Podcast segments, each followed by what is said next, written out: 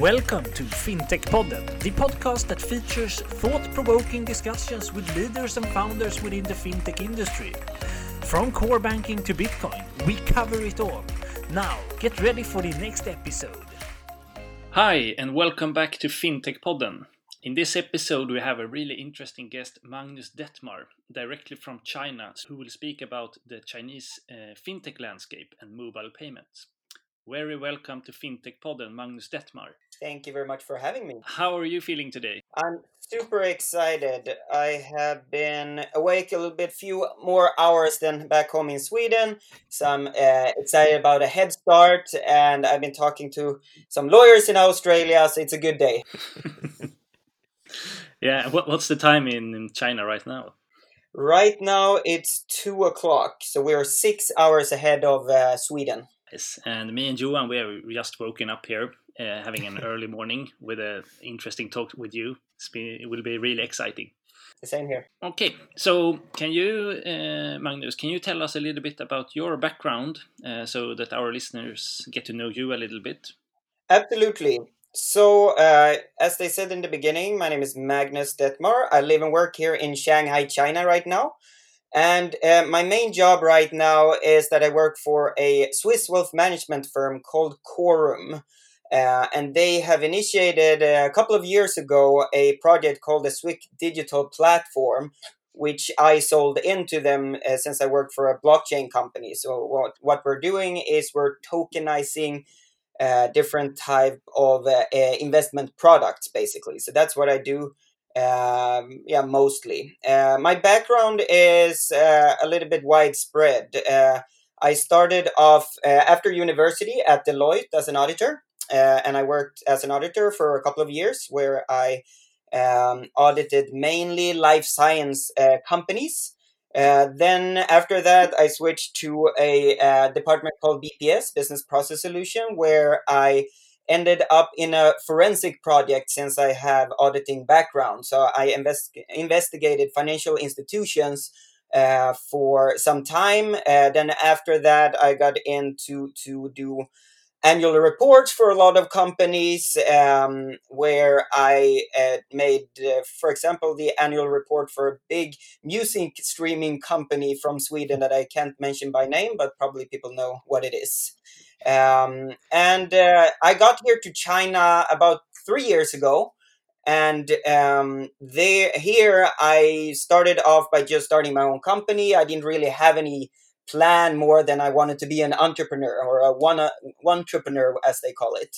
Um, and when I got here, I, I, worked for some Swedish companies for some time. Basically, did the same uh, work as I did for Deloitte. Uh, but then uh, after one year, a blockchain company here in Shanghai um, found me uh, and they wanted me to, to help them sell their services. So I joined them uh, about two years ago, something like that. Uh, and then I sold blockchain as a service. Uh, for them. Um, and this company is called Viewfin. They're the creator of Metaverse, which is a public blockchain. They're top 100 in the world, something like that. Uh, so that was the, my uh, journey, how I got into yeah China and uh, blockchain and crypto. Uh, but I quit Viewfin last year, and now I work for this yeah Swiss company. Nice. sounds like you have a have a lot of experience within the area of, fintech and blockchain. H how has it been to work within the, the blockchain space? Um, what challenges and what opportunities have you stamped into? Yeah, I'll tell you the the blockchain industry here in China is like the wild west. It's uh, people try and fail, and it's illegal, and it's not illegal, and there's a lot of shady stuff going around because the rules here change super fast. I I don't know if it, if uh, you remember, but back in 2017, the 9th of September, they actually shut down everything crypto related in China. They're very pro the the technology behind it. They're very pro blockchain, but they're very anti crypto because crypto in crypto there's a lot of money laundering. There's a lot of money running out of the country, which they are afraid of. So the relationship between blockchain and crypto is is a little bit difficult. it was super exciting here uh, at times. Um, it was very scary at times uh, because the rules and regulation changed super fast. But we sold was blockchain as a service. It's not really crypto related in China. Um, so we were on the safe side, but uh, the, the, laws change very fast. You never really know what will happen next. And and I've seen crazy things happen. I've seen uh, I've been to conferences all over um, China and also in here in Asia. And and the crypto scene is super exciting. I mean, there's a lot of things happening. A lot of trading is happening in in and outside of, of China and Asia. Uh, so for that, it's it's super exciting to to be at the place where I am right now. Yeah, cool. And and and and and in these times we live right now with the COVID nineteen, uh, can you give us a short uh, status on the situation in China? How is it today? Absolutely. So right now it's super calm in China. Um, they don't have very many cases at all. Every now and then a few pops up. We had I think one corona case here in Shanghai last week, or was it two weeks ago? Um, but more than that, everything is fine. We live the normal life here. They check our temperature every time we get into like a, a restaurant or a bar or a office or the gym or something like that. But more than that, we're free to to uh, move and do whatever. Um, I went to a trip last weekend uh, where uh, we went to the Avatar Mountains here in China, and there is a, li- a, little bit of a hassle as a foreigner to be here right now because you're you're treated specially. You you have to like check in in every province. There are certain tourist attractions you can't go to as a foreigner. Uh, but more than that, um, everything is fine here in China. Yeah. So in overall, you seems to be doing pretty fine, and uh, maybe hopefully we in Europe will uh, follow your path and uh, start opening up very soon. Yeah, exactly. You just have to stay strong, and things will get back to normal. It's just that uh, right now, yeah, it's turbulent, and and I've been super lucky because I was in Europe when there were no corona there, and then I traveled back to China when there were no corona here. So uh, to be to be honest, I haven't been very affected by this virus. Uh, so so um, I just hope this ends very very soon in in Sweden and in Europe uh, because uh, we want to get home during the hmm. summer. Yeah. But uh, if we change the topic a little bit and focus on uh, the today's agenda, like um, we were gonna talk about mobile payments and the fintech landscape in China. And to start it off, uh, we thought it would be a good idea for you to maybe describe how you use mobile payments in your a regular day in your life in China. Absolutely, and I may have a script for that that I probably will use in this podcast. Uh, so no, but what I wanted to tell you is um, in this um, life that we live here in China, it has changed super duper much uh, for the last five years. I lived in, in China in 2010, and then everything was about cash. I paid my rent in cash, I bought cell phone in cash, I did everything in cash. But today is a completely, completely different story. Today, I don't even know where my wallet is today because you never use it in China. But let me, before we dig, in, dig into more like statistics and how we use it in, in, in bigger scale, I just want to bring it into normal days. So uh, let's say a normal day. Uh, when I wake up in the morning, you usually order a coffee from bed because things are super duper cheap here in China and the delivery is also incredibly cheap. So, what we do is we open an app called Ele.me, and Ele.me, the, direct transla- translation to English is uh, Are You Hungry? basically. Uh, so we open hmm. that app and we can order a coffee directly from there for about uh, 17 RMB, which is like, yeah, $2, something like that. Um, during the time when I'm in the shower, I use uh, that that coffee usually get delivered to my door, so I have it when I'm on my way to the uh, to work. Uh, when I go down to the street and um, want to take a transportation to my work, usually I use one of these renting bikes. 2017, it was a huge boom, huge hype regarding renting bikes here in China. So now they're all all over. So what you do, you take your WeChat Pay and you open the scanning app, and then you can scan the QR code that's on the bike, and then the lock open. That's that's pretty normal thing you can see now also in Europe. Um, it cost about one RMB, uh, about one and a half Swedish crowns to, to borrow that bike. Um, then on my way to work, usually I walk by one of my favorite street food places where sell uh, where they sell uh, steaming buns, uh, steaming baozi as they're called in Chinese. And there, um, that uh, small little um, uh, street food place, uh, I don't think they're legit at all. They, they just have the best uh, steamed steamed buns in, in whole of Shanghai. So they have printed a QR code that they have taped on the front of, of um, their little kitchen. So I just scanned that, send over five RMB, and then I paid for my breakfast. Anyways, I continue into my office, and since I work right now at the WeWork office, I have to show my green QR code that says that I don't have the COVID 19. I haven't been traveling to any risk cities in China, and I've not been traveling outside of China for the last 14 days. So that's what happened. I show my green QR code to the guards out, uh, outside. They scan my um, uh, they scan me to check my temperature, and then I'm in.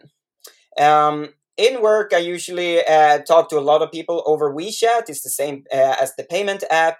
Um, and for this case, we just uh, come up with a little story that says that a friend of mine um, are texting me and say that okay we should buy a gift to one of my other friends that's uh, his birthday today so we decide that we should uh, buy a new pair of let's say earphones i send him send him the money over wechat he clicks on it and he re- receives the money anyways we continue all the way to lunch then me and some of my colleagues go to the local restaurant where they actually have a qr code at the table. So there you scan that, you order what type of food you want. My favorite dish here in China is the gongbao jiding, which is super duper good.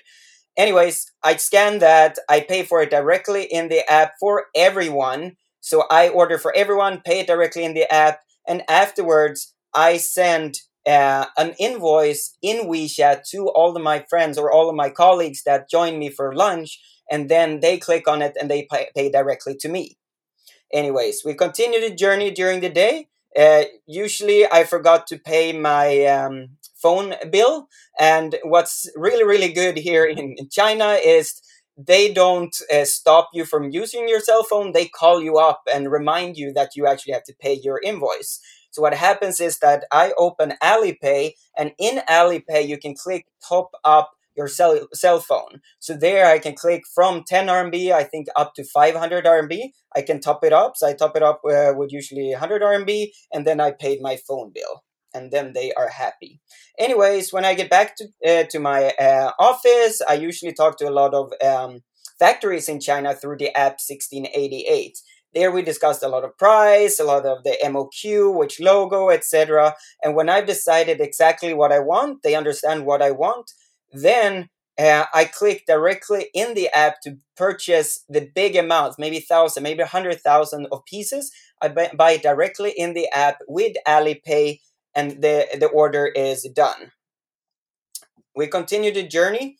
Uh, in the afternoon, um, I uh, might be uh, yeah, eager to go and travel this weekend. So let's uh, say that I want to go down to Shenzhen. Then I open my Alipay again and there I can buy a ticket directly in the app to Shenzhen. I can check out the prices for both uh, flights and, of course, the high speed train that's here in China. I choose to take the high speed train because, first of all, it's really good for the environment, and second of all, it's very, very comfortable here. I can also, in the app, pre-book food at the ta- uh, at the train, so I don't uh, feel hungry when I'm sitting at the train. We continue the journey during the day another thing that we do a lot here in China is that it's really easy to to uh, find services through WeChat. So um, I wanted to to uh, rent or order. I don't know how you say it in English, but I use an ayi, uh, a cleaning lady that comes to our um, apartment, and that I can book through WeChat through an app. And there I can see, okay, it costs 120 RMB to actually uh, order uh, her to clean our apartment for two hours. I can pay everything, order uh, exactly where she should go, what what time she should be there, etc. I do it exactly uh, everything in the WeChat app, and I pay directly to her. Anyways, we continue. and um, we continue later uh, where I go to uh, the dinner, and unfortunately, I'm always quite late. So what happened is that I order a taxi directly uh, through uh, Alipay, which has a the taxi app called Didi. Didi is actually a company that bought um, Uber here in China. I think it was five years ago or four years ago, something like that. So the, the, the Uber app here is called Didi. But there I uh, book a taxi directly. I jump into the taxi, get to the dinner where I have with my friends. There, when I get to the dinner, I see one of my friends have some super duper cool sneakers. And what I do there is that I take an app called Taobao.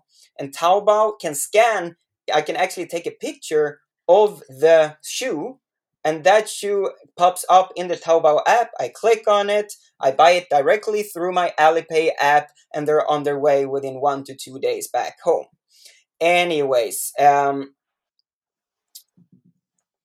I continue the journey. We spend the, the night there uh, eating and drinking, and on my way home, I usually take the subway. And um, the subway system here is super good here in, in China. People think it's it's uh, very packed all the time, but actually it's just during rush hour. So I jump down in the uh, subway and I can actually pay with my Alipay app to get into the subway. On my way back home, I found that okay, I forgot to buy groceries on um, y- yesterday, so I don't have any food for tomorrow. So what happens is that I go into Ele.me again, the app that I used for, for my coffee in the morning, and I click there, find the, the closest grocery store, and I buy all the food there. 30 minutes later, when I get home, actually, most of the uh, most of the times, all the groceries are already there because they have delivery within 20 minutes to my home, which is super convenient. The delivery cost about 10 RMB also, which like one and a half dollars, something like that. Anyways, when I get home, I uh, jumped into bed because it's usually quite late. What happens there is that I go through all the WeChat um, groups that I have, and usually in WeChat groups, every now and then when people want to uh, create excitement in the group when it's an event or a party or whatever people uh, usually send out something that's called lucky draw and what that is maybe if let's say if i send out a lucky draw i send out a 100 rmb uh, bill or a 100 RMB uh, lucky draw in the group. And what happens is if you click on it, you might get either uh, 1 RMB or you can get 12 RMB or something like that. You get a lucky draw. So everybody can go in there and feel some excitement. They get a few RMB for, for uh, yeah, the event organizers. Uh, so because I got 12 RMB this time, I feel super excited. So I throw away another lucky draw in another group that I've created to create some excitement anyways um yeah that was basically a normal day here in shanghai when it comes to mobile payments. Maybe it was very long uh, maybe you think i spent too much money i don't know but that's usually how it works here in shanghai.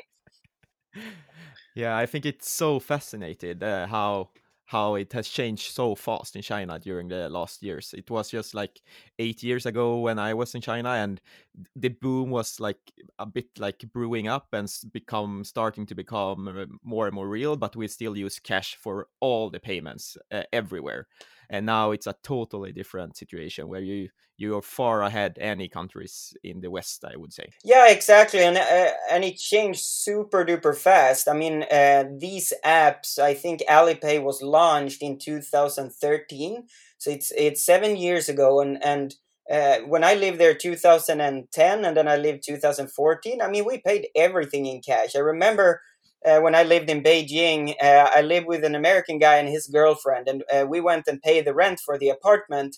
And I think it was 10,000 RMB for the apartment, which was quite a lot of money back at that time. And usually you have to pay, pay like three months of, of rent the first time.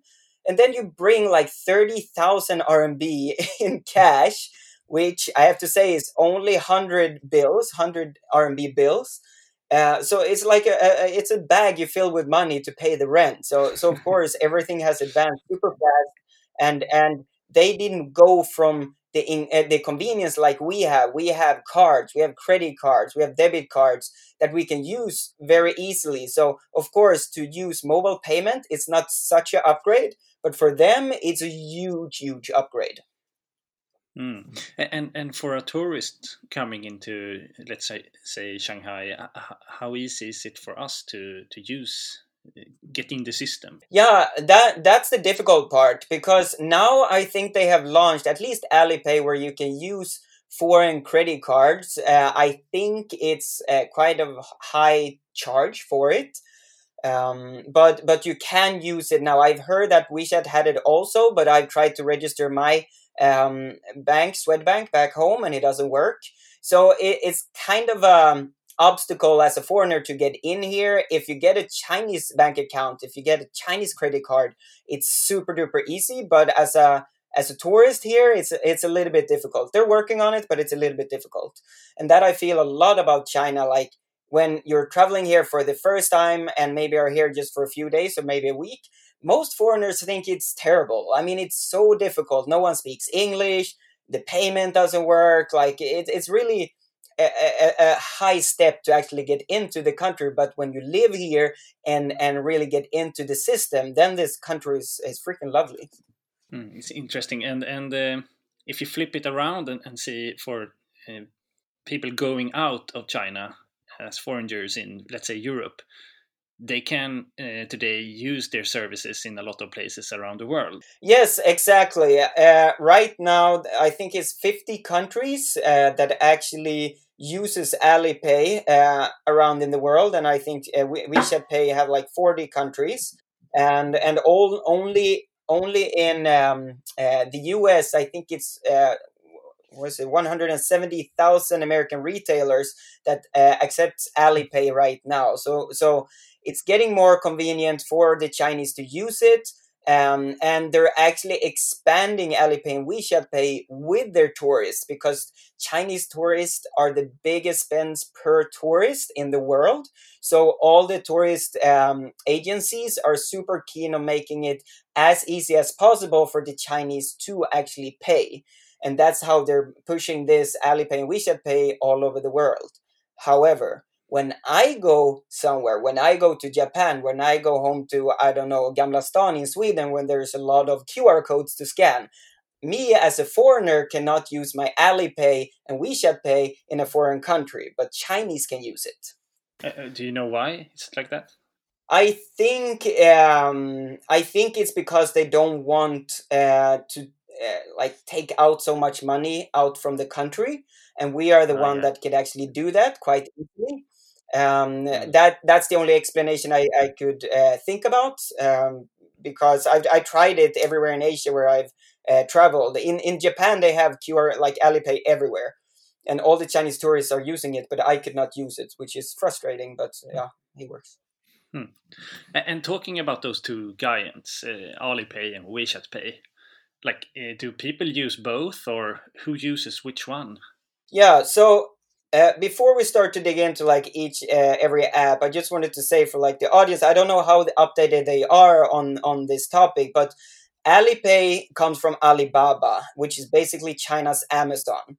So, um, what the core business of Alibaba is, of course, e-commerce. Everything is about e-commerce. So that's that's that part, Alipay. Then we have WeChat Pay, and WeChat Pay is a company that comes from Tencent, and Tencent's main app is WeChat, and WeChat is basically a uh, a mold between like uh, WhatsApp and Facebook and Instagram. We use it all the time to chat with our friends, chat to our clients, everything like that. We also post on our moments, which is similar to Instagram. Uh, so so um, it's it's more of a social media rather than e-commerce, and that's what um, uh, WeChat Pay come from. And when you look at the whole market share, uh, as you asked, uh, Alipay has about uh, 55% of the market share, while WeChat Pay has about 40%. And then rest, the rest is smaller, like Pinduoduo and uh, uh, Meituan have their own payment platforms as well, but it's very, very few that uses those today, at least. Uh, I think the, those apps are so fascinating. Is it is it a correct thought that if you put like in Sweden we have Swish, and then you bring, as you mentioned, Instagram, WhatsApp, and Facebook into Swish. Is that somewhere what WeChat Pay would be? Yeah, exactly. Um, and that's something that uh, for Sweden, and for the rest of the world, we're so afraid of mixing social with payments. Now, was it a couple of years ago when when Facebook was th- uh, thinking about bringing up a new currency called the Libra? The whole world freaked out. Like, how should that be? How safe is it, etc. But here they have a totally different view of it because as you probably know, like Chinese are crazy in money, and uh, money and social goes hand in hand. Uh, for example, during like the Chinese New Year, uh, like uh, for us during Christmas, we give gift to each other, right? But for the Chinese New Year, they give money to each other through hongbaos. So, so their social and money is very well connected, and they have transformed that into a digital version where everything social is connected to money. Um, and and for us here, it's it's a normal day life. You send money, save, send every now and then you want to I, I, don't know convert money from swedish to rmb then you send 5000 in a in a uh, over wechat and that's not a big problem. Back home i will be quite hesitated of doing that but here you do it very very frequently. And and that is so uh, cool to see because when you do that when you don't feel scared of using those type of apps then it's a totally different landscape that's in ahead of you that you can use in a very playful and fun way so, so hmm. start to use Alipay and WeChat Pay. The, the, the obstacle to get into the system uh, is, is a little bit high for foreigners. But when you're in there, there's so many ways to use it because it's not only the Alipay and WeChat that you can actually pay with. Uh, of course, you can get into other social media like Douyin or Xiaohongshu or Bilibili or, or Weibo, where you can actually pay like content creators. You can pay for example, you can pay um, uh, like e-commerce shows, or as they call like uh, uh, key opi- KOCs, like key opinion consumers. Um, so so uh, like using these apps is it's not like we see in back home that we have one app for payment, one app for social, one app for banking. Everything is connected here. Hmm. And you mentioned the Libra project. Uh, I've read about the the digital yuan or the blockchain based yuan. Um, do you have any status on that? Yeah, right now it's a it's a pilot project in in four cities. It's Shenzhen, Suzhou, uh, Xiong'an and Chengdu. Uh, I don't really know why they don't use it here in Shanghai. I mean, we are the financial capital. Bring it here. um, but um, yeah, it's called the DECP, uh, and what they're trying to do is b- to build a digit- digital uh, RMB. And and since they're very pro blockchain, and since they're very pro at at um, tracking what people pay and what they don't pay and how they use their money uh, a cryptocurrency is perfect uh, for this country, and since they went from cash to mobile directly, it's no really obstacles to to use it here. And to be honest, right now, um, I mean, in Alipay and WeChat Pay, of course, you have a bank account, but you can also have money in your just WeChat or in your Alipay which makes that you see a number in that one. Uh, so that will be similar to the, the cryptocurrency that they will uh, release in probably next year or the year after. I think China will be uh, before. I think China will be before Sweden when it comes to cryptocurrency, but I'm not really sure.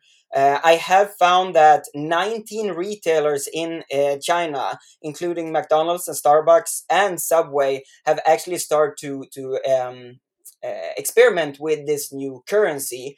Uh, but that's just uh, unofficial reports. The, if you ask them directly, they will probably deny it. But of course, they're trying these big retailers and how it will work when they're using it in these cities. So, so uh, I'm super excited to see the development there. Mm, yeah, it will be really interesting to to to follow that uh, development. Maybe we can have a, another podcast in the future when, when it has come further. Absolutely. Yeah, and uh, just follow up a little bit. You said you can consider to, like Alipay to be being a super app in some way, but um, you talk a little bit about this kind of mini apps inside the Alipay uh, app where you can do different functions and so on. Like for in Sweden, for example, I think I use twenty different uh, financial apps to handle my economy, but in China, you everything is included in Alipay. Is that correct?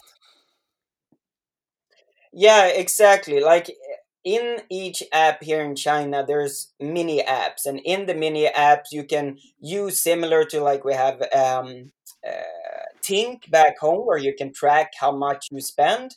Uh, there, you can uh, get insurances, you can take loans, uh, you can buy tickets, you can buy and not only train tickets and plane tickets, you can also buy tickets to the cinema, you can buy tickets if you're going to a soccer game and stuff like that.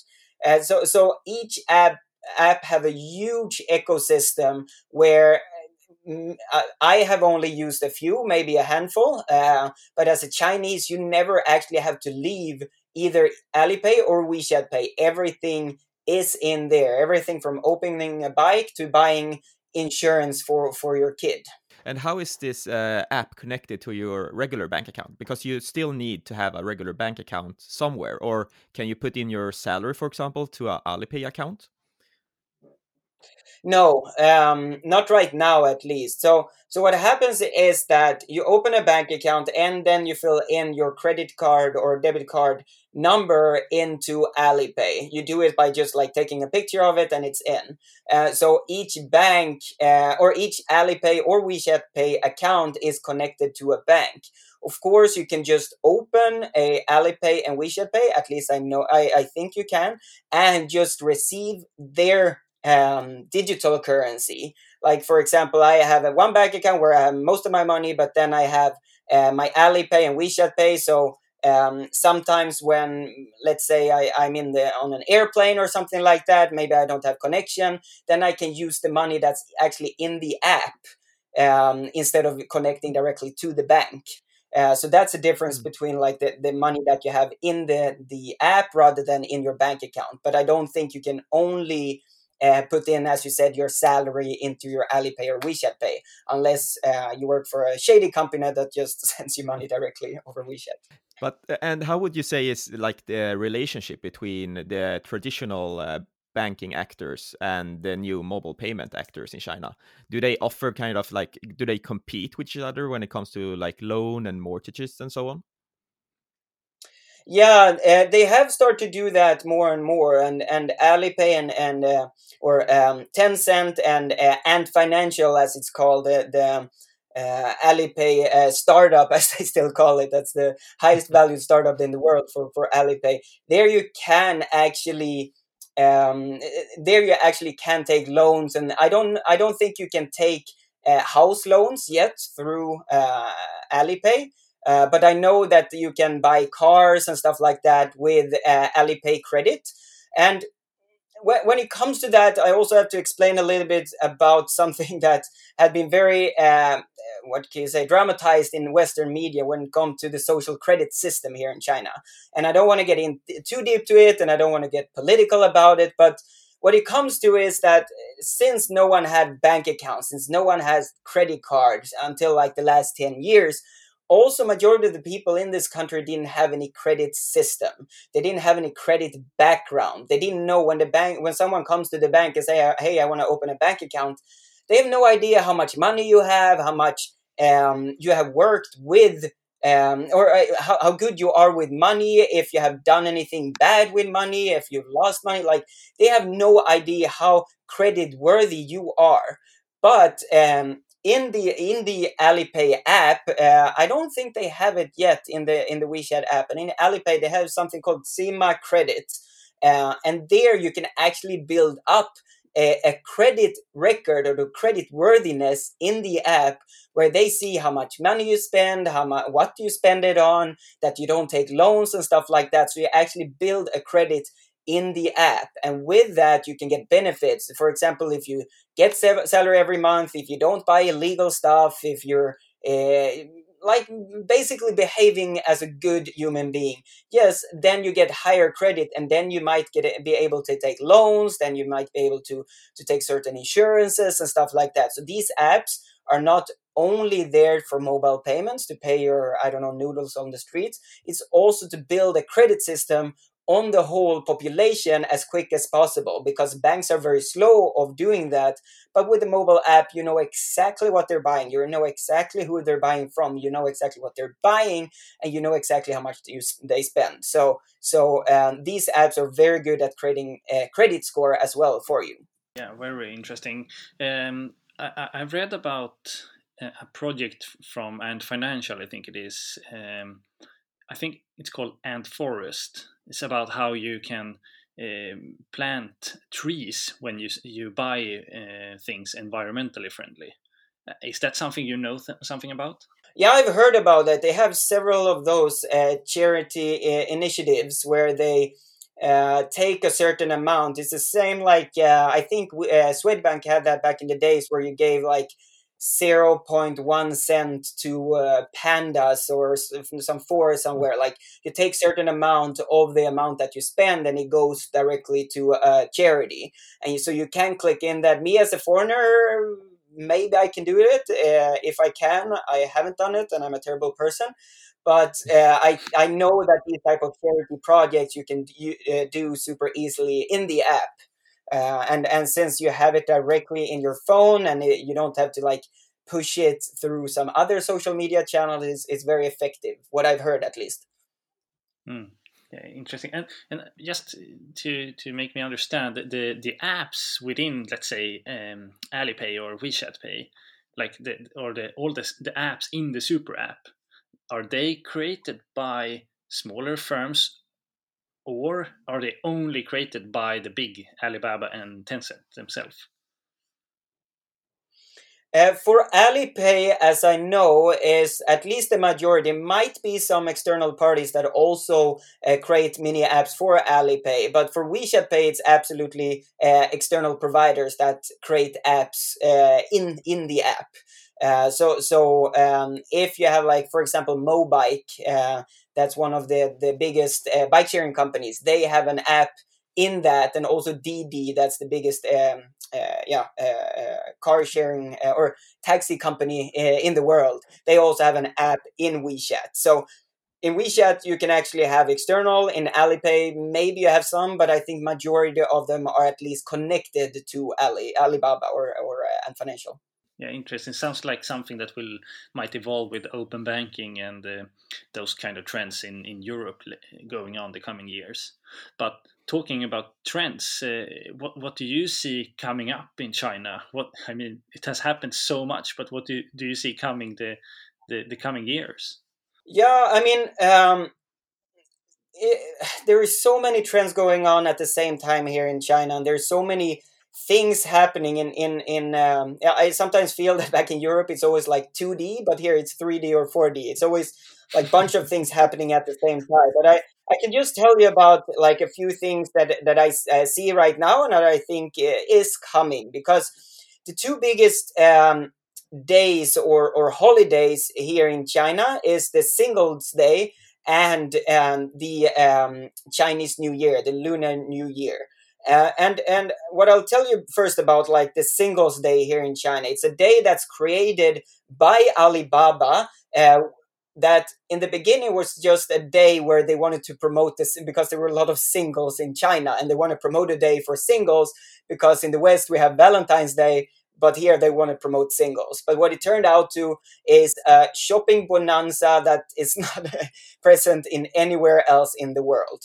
So it's similar to like uh, Black Friday, where they have one day with super duper cheap uh, products or a lot, a lot of discounts, and everybody's super excited about it. People start talking about it on the street at least a month before, and and compared to the American one, where people run into Walmart and start fighting about like I don't know a LCD screen that's fifty percent off, here you do everything through mobile. And last year at this uh, Singles Day, that's 11-11, uh, 11th of uh, November, uh, in 24 hours, they actually sold for 268 billion RMB, which is 38 billion dollars in 24 hours. And yeah each and every year they break this record more and more and more and more. People say that okay, in the West we shouldn't buy so much, and the whole Greta Thunberg thing. It hasn't come to China yet, I can tell you that. So here everybody is buying like crazy, and they also one fun record that they're trying to push here is how much they um, how much uh, or how fast they can actually sell products uh, for 1 billion RMB. That's like how many seconds it takes. So uh, last year, 2019, I think it was 21 seconds it took to sell 1, 1 billion worth of RMB, which is about 140 uh, million dollars.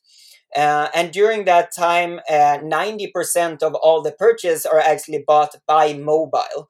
And, and um, they had like extremely, extremely high um, uh, transaction per seconds, where they have like 256,000 transaction per second on this app. That's compared to like Visa had like 1700 transaction per second. Uh, so so it's it's the scale here is quite big, and what you also have to uh, if you have to measure this like the the uh, Alibaba Singles Day compared to let's say Black Friday. Uh, Black Friday in the U.S. sells about six a little bit over six billion dollars, but here it's thirty eight billion dollars. So so it's six times bigger here in China. Uh, hmm. so so that that's one thing that we see like e-commerce here uh, like people don't use uh, people don't go to the store anymore people always always always use their cell phone for buying stuff which is incredible um, so so uh, e-commerce is a huge thing uh, here in china where no one buys anything from the store uh, another thing that i also wanted to mention is regarding uh, wechat the biggest sales holiday or the biggest um, the biggest day for them is during Chinese New Year. And during Chinese New Year, um, they um, here in China is, as I said earlier in the podcast, we use something called Hongbaos. And Hongbaos is a red envelope where you send money. But what WeChat Pay, uh, what WeChat did is they did something super smart that they created a digital Hongbaos where you can send red envelopes uh, in in the app instead.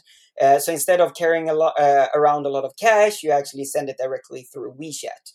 So what happens is that last year uh, it was actually 688 million users in China that either sent or received Hongbaos over WeChat.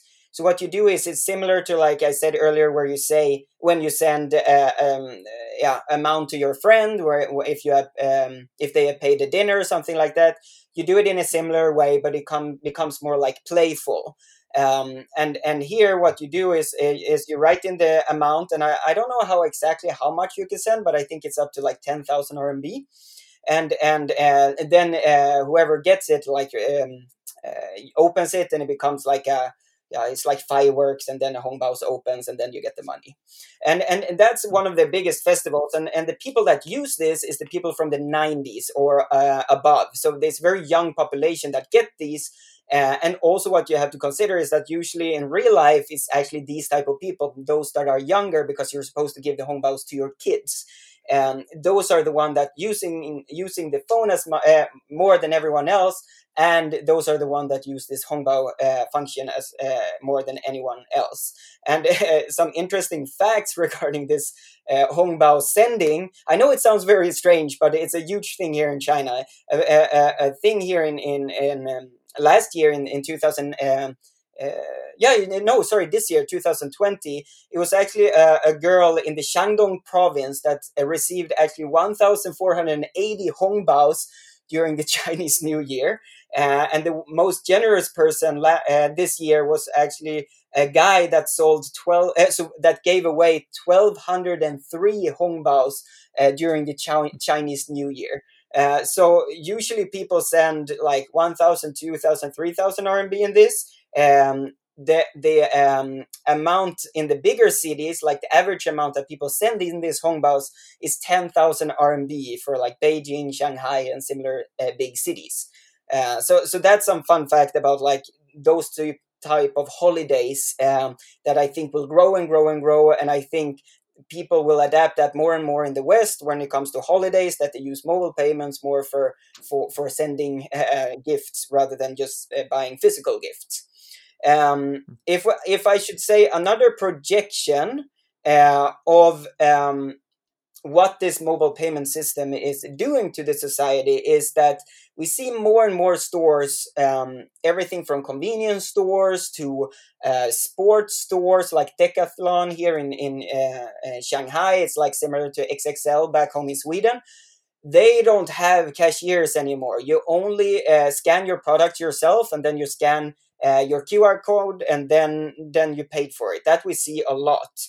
We have also seen that um, live streaming uh, today um, is something that you can make a lot of money out of because you have connection between the live stream like Douyin, the Chinese TikTok.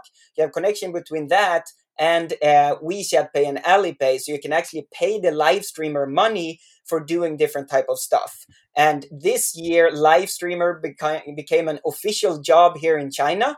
So in the future, I think more and more people will actually work as a professional live streamer where they only make money out of people giving them stuff.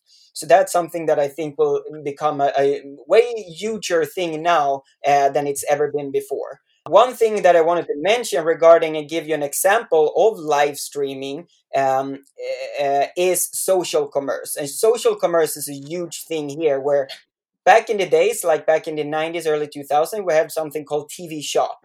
And TV Shop is, is like, yeah, you sell products on TV and you call in a number and you buy the product, but that's a very slow way of buying. Here in China, social commerce is a thing that people watch every night. It's like 30, 40 million that watch live stream, like e-commerce live streams on, on uh, Taobao and uh, Tmall, which is the Alibaba stores, every day. Every day people watch people selling stuff basically. So you watch that for half an hour an hour just uh, people going through product. Like we do product reviews on on youtube back home uh, here they do it live stream and you can buy directly the product that they are trying. Uh, so that's one thing that i think will grow super duper much in the coming year. And for example there's one kind of fun example um, with with um, uh, social commerce. There is a uh, old lady that's called Grandma Wang here in, in China. That's a huge, huge, huge influencer. I think she's like 80 or something like that. And uh, she did an, a live stream at 20. No, it was only like four hours, five hours, something like that. Live stream in China where they where she sold uh, skincare and cosmetics. And she actually sold in those, I think it was four or five hours, she sold for 5.4 million RMB these products um, and and that really shows the scale of China, but also shows how willing people are to buy stuff if you're actually presenting it in a good way, because then you can see them live wherever they sit in China. They, you can live buy things from a, a influencer, and you can receive it within one or two days. So social commerce is is just starting off here in China. It will be huge, and and if you're back home in Europe or in the US, um, that's what I would aim for because there's a lot of money in it and it's super duper fun. Yeah, thanks so much for your um, trend spottings. Uh, I think there are some really interesting areas that we will uh, keep following here in the West. Um, but I think we're starting to run out of time for this session. Uh, it has been really interesting hearing your thoughts, Magnus. Uh, and if our listeners want to get in touch with you or maybe follow you, where can they find that information? Yeah, absolutely. Um, the easiest way to find me is on LinkedIn or Instagram, where I'm Magnus Dettmar, M A G N U S D E T T M A R. Or I also have a, a, small YouTube channel called Dettmar, where I show my life here in Shanghai. So it's also my last name, D E T T M A R. Nice. All right. Magnus, thank you so much for being in the podcast and sharing your story from China. Yeah, thank you too. It was a blast uh, joining this podcast, and I'm looking forward to to listen to more episodes as well. All right. So let's uh, round this uh, podcast up and we say thank you and bye. Bye bye. Bye bye. And that was it for today's episode. We hope that you liked it. Both I and Johan are very happy and thankful that you're listening to us. And if you like what we do here, please go into iTunes or whatever platform you're listening from and leave a review or a rate. We would appreciate that a lot. We will soon be back with another episode, and until then, have a good time.